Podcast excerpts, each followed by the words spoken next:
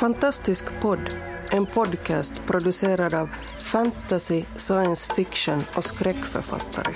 På svenska, i Sverige och Finland. Vi snackar skriva, böcker, våndor och vändor i våra och andras världar.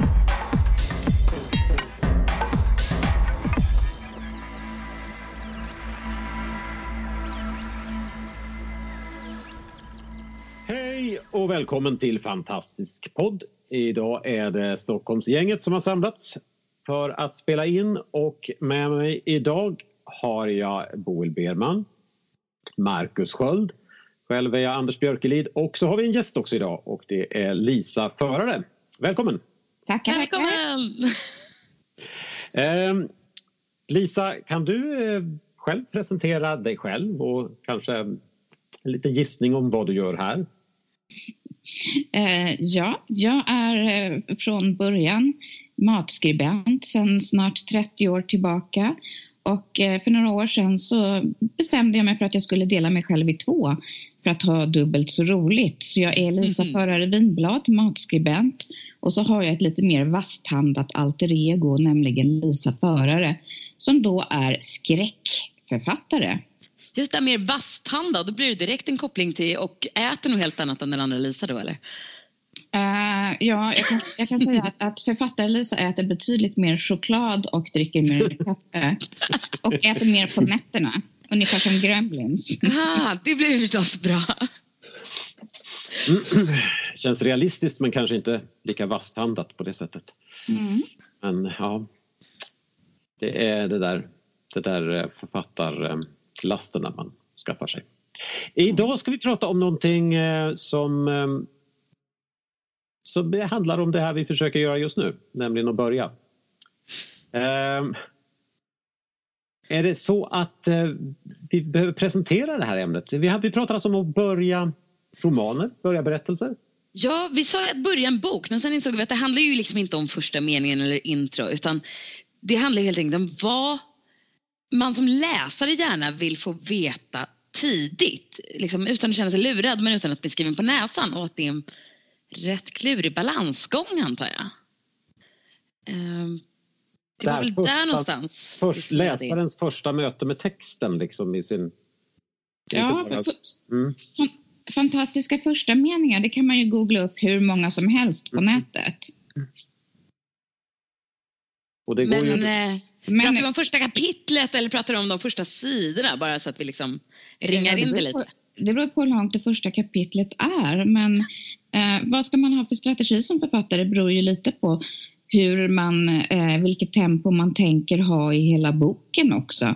Om man vill ha en vag och trevande bok där läsaren eh, bläddrar sig fram i ett lite dimmigt ingenmansland och, eller om man eh, vill ha en mer intensiv upptakt som jag tycker oftast funkar bäst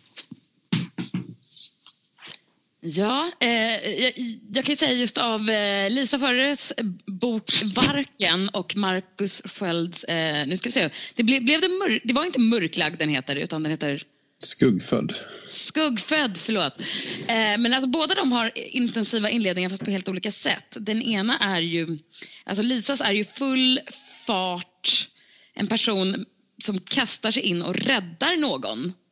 Är det korrekt här nu Lisa så att jag inte återger den helt fel? Ja, först har jag en liten eh, kort prolog där jag på en gång etablerar att det kommer att röra sig med övernaturliga saker. För jag tyckte det var Ja. lika bra att få den här eh, mota ut elefanten ur rummet på en gång eller exponera elefanten i rummet så att jag placerade in ett litet snabbt möte med en flicka som hittar en liten smutsig, illaluktande elva.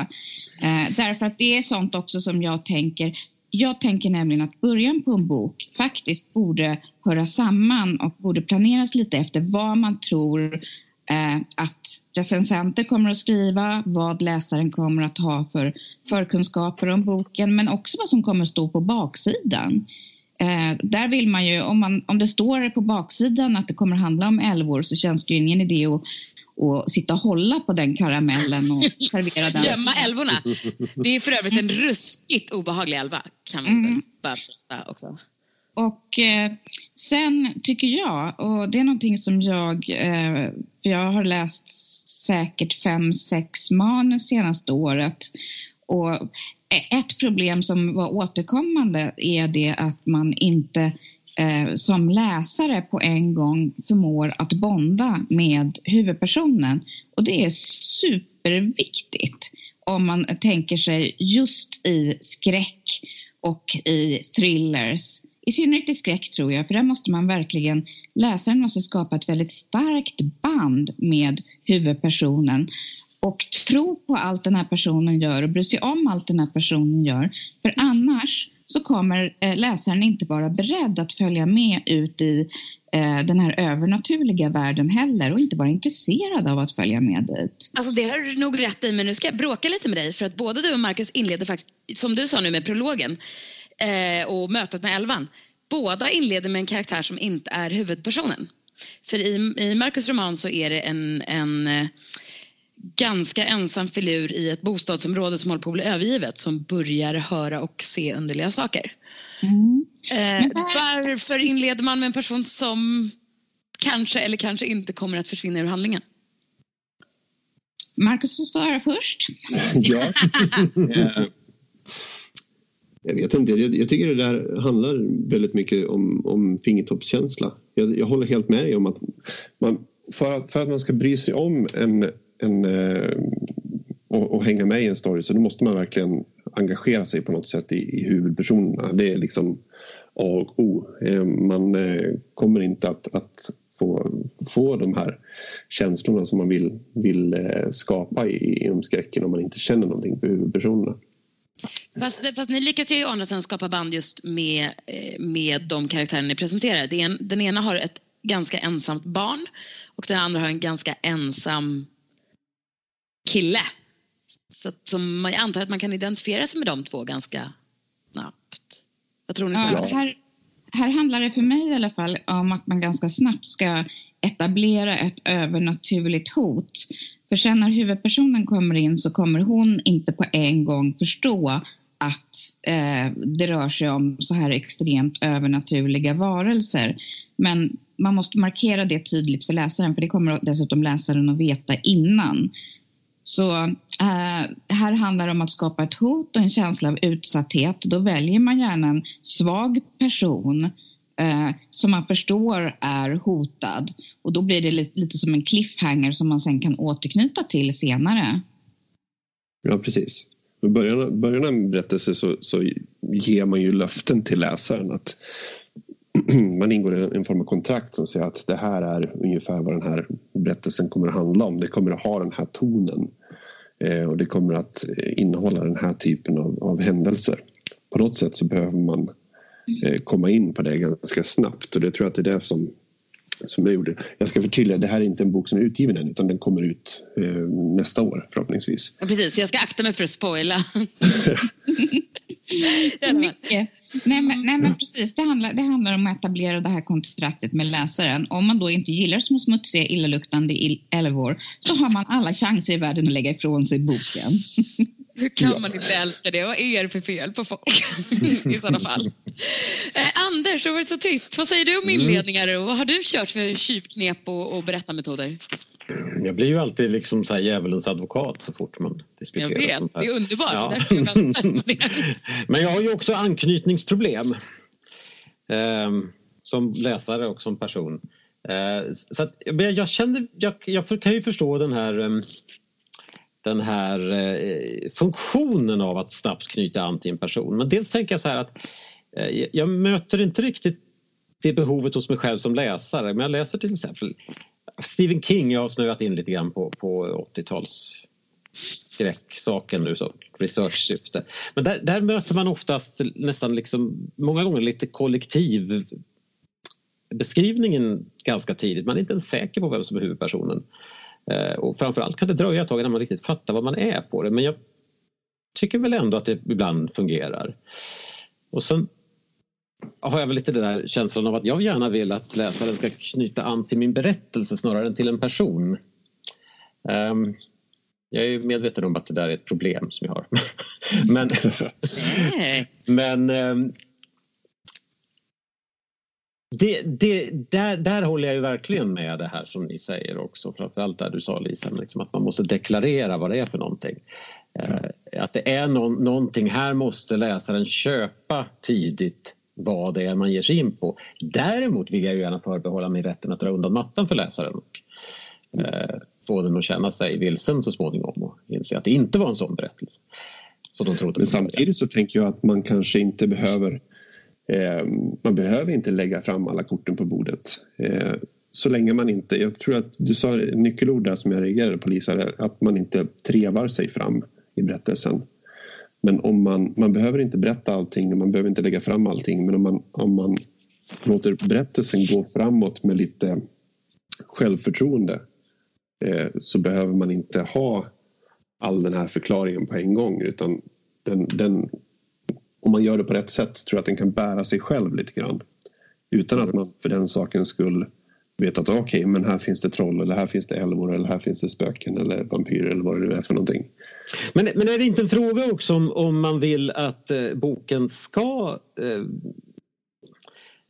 jag, jag uppfattas som, som det det är tidigt. Är inte det ett val man kan göra också? Jag, jag är väldigt förtjust i själv att läsa böcker där jag så att säga, halvvägs igenom inser, ja men vänta lite, det här är ju science fiction eller oj, nej men det här är en av mina favoriter ja, ja, ja, Hojebecks eh, elementarpartiklarna som, eh, där det faktiskt inte är för de sista tio sidorna som man inser att det är en science fiction-roman. Mm. Eh, resten handlar bara om försupna eh, intellektuella som inte riktigt får till det. Får till, får till på dem, läser det där. Ja, eller får till ja, ja, ja, lite av och till, lite upp och ner.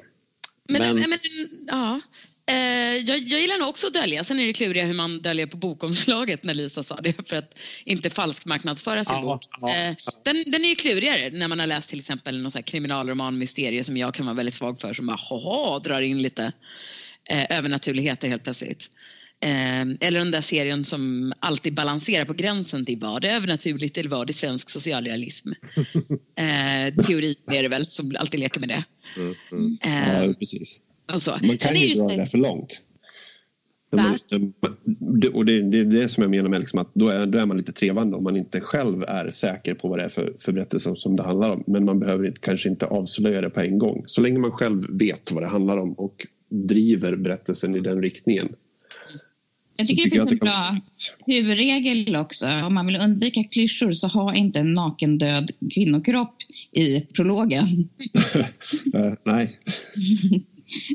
Men det har jag inte varit än. Det är bra. Jag bara check, måste klämma in i alla fall.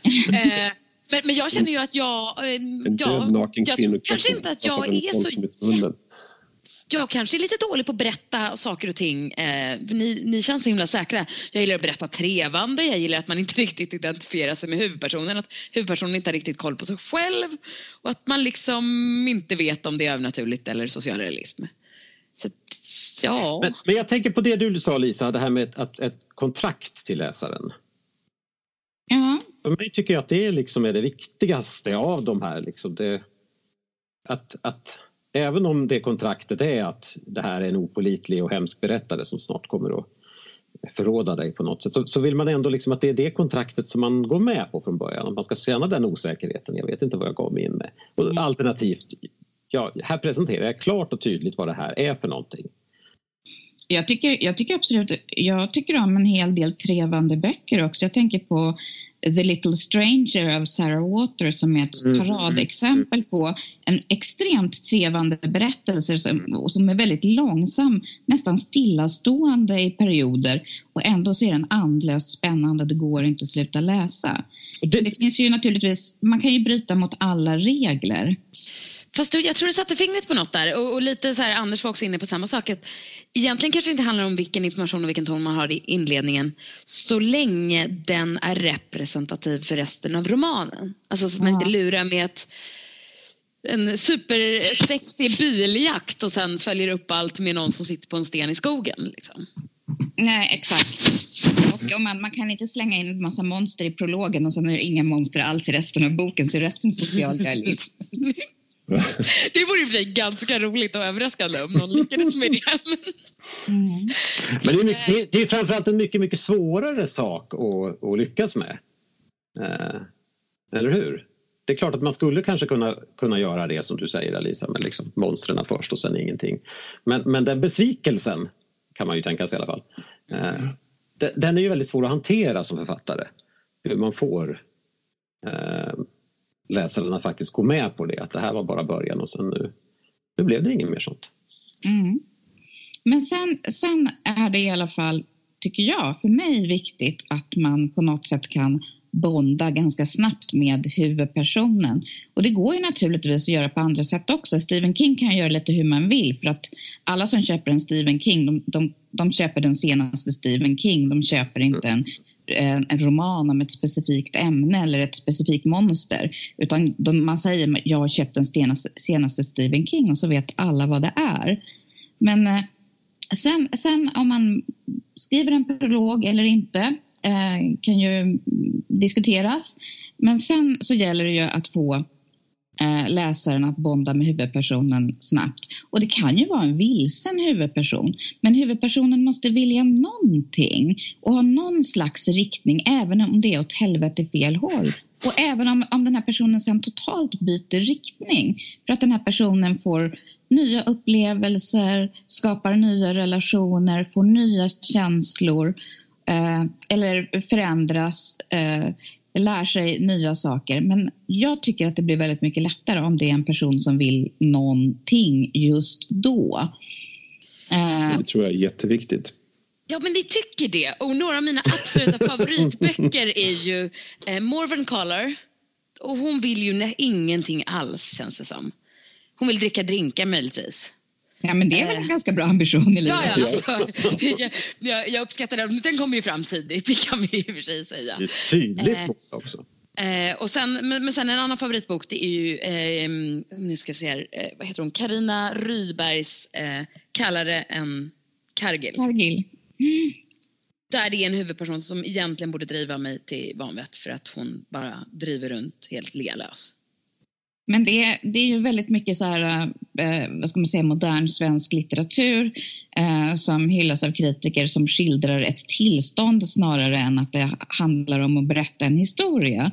Och det är väldigt om man säger så att det, jag brukar alltid när jag läser i en recension att, att det här är en roman där ett tillstånd skildras och då vet jag att jag kommer förmodligen inte gilla den boken. Men är den tillräckligt bra så är det ju kanske den absolut bästa typen av bok som till exempel eh, Johanna Frids fantastiska Brinn Oslo Brinn där det inte finns så mycket handling alls.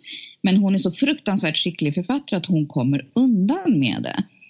Det finns ju alltid för, för, författare som kommer undan med en massa saker. Men eftersom jag inte är en så skicklig författare så tar jag det säkra före det och kör rakt på. Och då, inleder, då är det ju bra att inleda också med en så klassisk Save the cat. Och det är att, att den här personen som även om den kan vara ha sina brister och fel, huvudkaraktären och kanske inte en alltigenom trevlig person så ska man ändå känna att den här personen har någonting gott i sig. Att det finns någon slags eh, grundegenskaper. Man kan ju förstås göra personen jätteotrevlig men, men vill, man, vill man underlätta för läsaren och kanske ha fler läsare så är det ju lättare att låta den här personen göra någonting som är sympatiskt. Det är därför ganska kallar... tidigt då menar du helt enkelt eftersom vi pratar ja. om inledningar? Ja, eh. inte, kanske i slutet av första kapitlet eh, men inte, inte i tredje, fjärde kapitlet om, om man inte är en väldigt duktig författare och ändå kan skapa ett stort intresse för hur det ska gå för den här personen. Men eh, eh, att lägga in en sån här klassisk Save the Cat på något sätt, det kan vara en liten gest, det kan vara en småsak.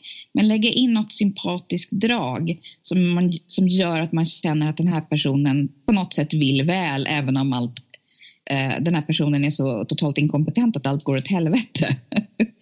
alltså, jag, förlåt, jag måste bara tillägga att jag precis har spelat ett dataspel, alltså jag är lite jobbskadad, där det just är en huvudperson som är ganska lealös och ska gå till sitt jobb och på vägen till jobbet så kan har han möjligheten att rädda en katt. Men det är en klassiker.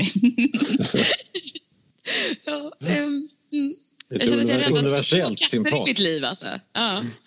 Jag tänker att man kan nog kanske komma undan med att eh, om det behövs bara små positiva gester tror jag. Eh, för att man ska skapa någon slags intresse och någon form av sympati. Men jag tänker om man går fullständigt diametralt åt det andra hållet och låter dem göra någonting fruktansvärt supergrisigt så kan man också kanske uppnå den här intresset. Liksom. Fast då blir det mer än att man, man älskar och hatar den här personen. Liksom. Och att man vill att den personen ska straffas. Ja. Ja, precis. Och, eller nästan lite så här herregud, jag måste ju fortsätta titta på den här bilolyckan. Det går ju liksom, jag måste ju se vad mer den här idioten tar sig till. Liksom. Mm. Jag läste just nu en, en väldigt bra spänningsroman eh, som heter En oskyldig lögn eh, som har en vansinnigt osympatisk huvudperson. Och Det är nästan så att det är irriterande att läsa men det, det är en väldigt bra författare. Nu kan jag inte komma ihåg namnet naturligtvis. Eh, men eh, men eh, det är en tillräckligt bra författare som kommer undan med det här för den här personen är intressant och det är sån här otrolig cringe-faktor. Man, mm. man vrider sig invärtes som en kringla för att den här personen är så clueless och så eh, otrevlig och så sexistisk men man kan ändå inte sluta läsa. Nej, Jag flikar in att det är Sabine Durant. Ja, just det, tack så mycket. för läsarna, lyssnarna som undrar. Jag tänker på brott och straff i det där läget också. Mm. Berättelsen kan ju vara en berättelse om, om försoning också. Man kan ju börja på botten på det sättet men då måste man ju på något sätt ganska snabbt känna att huvudpersonen försöker bättra sig eller försöker hitta ut ur det här. Mm. Då måste man ju på något sätt... Ja. Det måste finnas en riktning i alla fall. Ja den här personen, eh, vill man skapa ett intresse så är det ju bra att eh, låta den här personen ha en tydlig ambition och ha drivkrafter. Och jag menar ju då att om man ska göra det enkelt för läsaren och enkelt för sig själv så ska man presentera drivkrafter tidigt och det behöver inte vara de drivkrafter som senare tar över. Men att den här personen ska vilja någonting. Det kan vara vad som helst. Utspelar det sig på ett företag så är det kanske så att den här huvudpersonen vill skriva på ett jätteviktigt kontrakt och har den drivkraften. Men så att man direkt då kan i inledningsfasen kan skapa någon liten spänning i alla fall. Ja, att man är med i någonting, man är med i någonting som händer. Jag ja, tänker, och bara, ja bara, bara, bara beskriva det här håglösa hasandet, eh, då måste man helt enkelt vara en fruktansvärt bra författare för att göra det bra. Men man det kan ju lätt få, lätt få för sig att, att vissa bra författare sysslar med håglöst hasande bara. Mm. Men det är en, inte det i realiteten nej, jag, jag, kanske? Jag tänkte på uh, Virginia Woolf, Mrs Dalloway. Just det. det. Det är ju en väldigt deprimerande berättelse om en person som har svårt att få saker att fungera. Men den börjar ju ändå med att hon säger, vad är, vad är första meningen där? Att hon beslöt att köpa blommorna själv. Eller om det är tulpaner, jag har glömt. Eh, så det finns liksom en gång ett beslut. Eller, eller Kafkas eh, Josef K.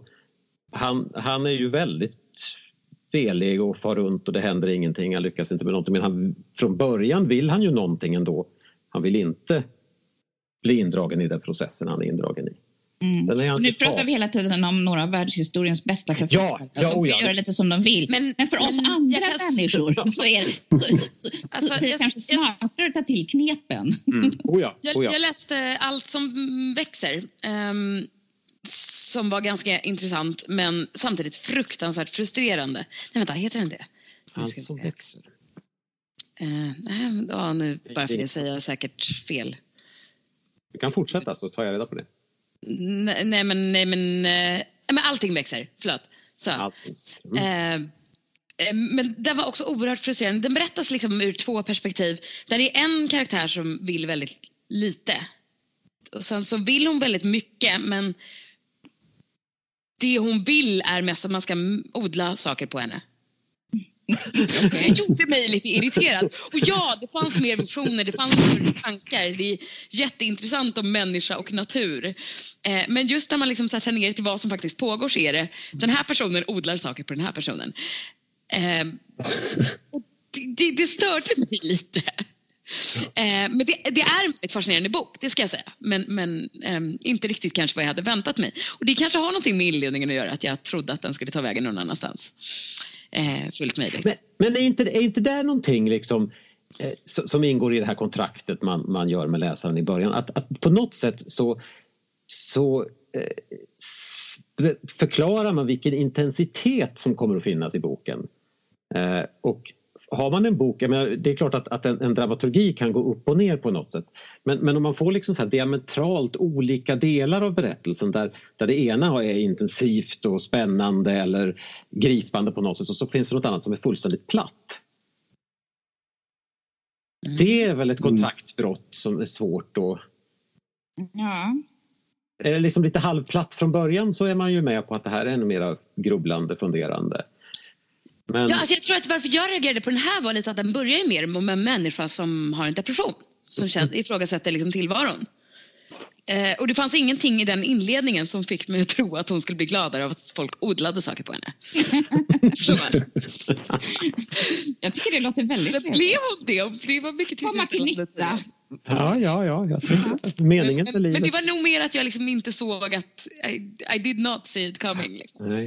Eh, nu ska jag bara säga att vi har, eh, vi har snicksnackat ett tag. Mm. Känner du att du vill knyta ihop säcken? Har vi nått början till slutet nu, Lisa? Det här är slutet på början, snarare.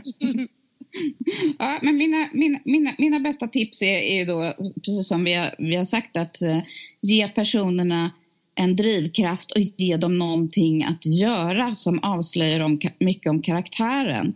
Och vill man ha då en, en karaktär som är eh, i alla fall har delvis sympatiska drag så är det bra att låta dem göra någonting så att de visar eh, sina sympatiska sidor även om de inte behöver vara helt sympatiska. Mm. Och jag skulle säga att eh, tänk på att början är viktig. Eh, slösa inte bort början med någonting som inte behöver vara där utan fyll den liksom till max med det som faktiskt behövs. Um, du kan ju inte sluta med det. Det är det svåraste som finns i hela världen. För man vill ju berätta allt och så blir det ofta så torrt. Ja, det är svårt att skriva böcker. Ja, och introducera inte för många personer på en gång. Håll igen på namn och håll igen på karaktärer. Eh, eh, koncentrera, koncentrera sig på att om man inte bara vill eh, introducera världen eller eh, skapa det här kontraktet med läsaren så är, så är det viktigt att ta det lite lugnt och koncentrera sig på huvudkaraktärerna. Mm. Om man inte är världens bästa författare. För då får man ja, eller om man inte är tolken, för du, du beskrev ju precis de 150 första sidorna av, av namnorgien i Sagan om ringen. Eller Bibeln. Eller Bibeln.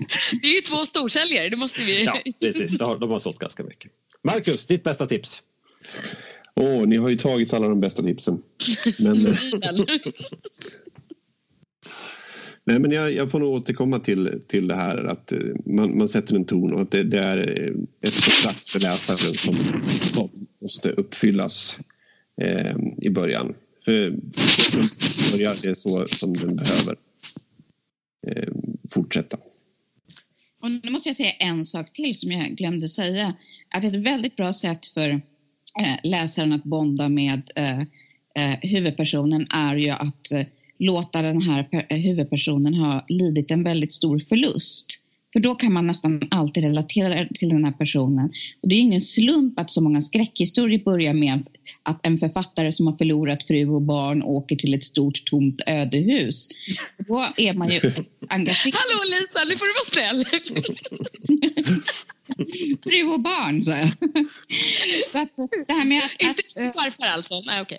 Att ta, ifrån, att ta ifrån huvudpersonen någonting väldigt tidigt gör att läsaren relaterar och sympatiserar även med en ganska otrevlig huvudperson. Mm. Absolut. Man får vara lite försiktig bara så att man inte trampar för långt in i, i, i eh, väl, väl, väl använda klyschor när det gäller de här troperna. Även om det är effektivt så kanske man får tänka lite grann. Och ja. vara försiktig. Det finns ju en anledning till att klyschor blir klyschor också. Mm. Det är att de funkar. Absolut. Men man får göra det på ett raffinerat sätt. Ja. Så det var hamstern som blev mördad? Av, av äh, älvor i Älvsjö? Ja, äh, mm. Jag tror att det kanske får bli de sista orden. Episkt. Känner alla att de har fått avsluta och knyta ihop säcken så att början har blivit slutet? Absolut, det är början till något stort. Fantastiskt. Då tackar vi för att ni har lyssnat. Och vi ses nästa gång. Hej då! Hej då! Du har lyssnat på Fantastisk podd. Om du trivdes i vårt fantastiska poddsällskap och vill ha mer så hittar du äldre poddar och information om oss som deltar på vår hemsida under fantastiskpodd.se och på vår Facebook-sida Fantastisk podd. Har du frågor eller förslag på vad du tycker att vi ska tala om, hör gärna av dig antingen på Facebook eller via kommentarer på hemsidan. Vi hörs!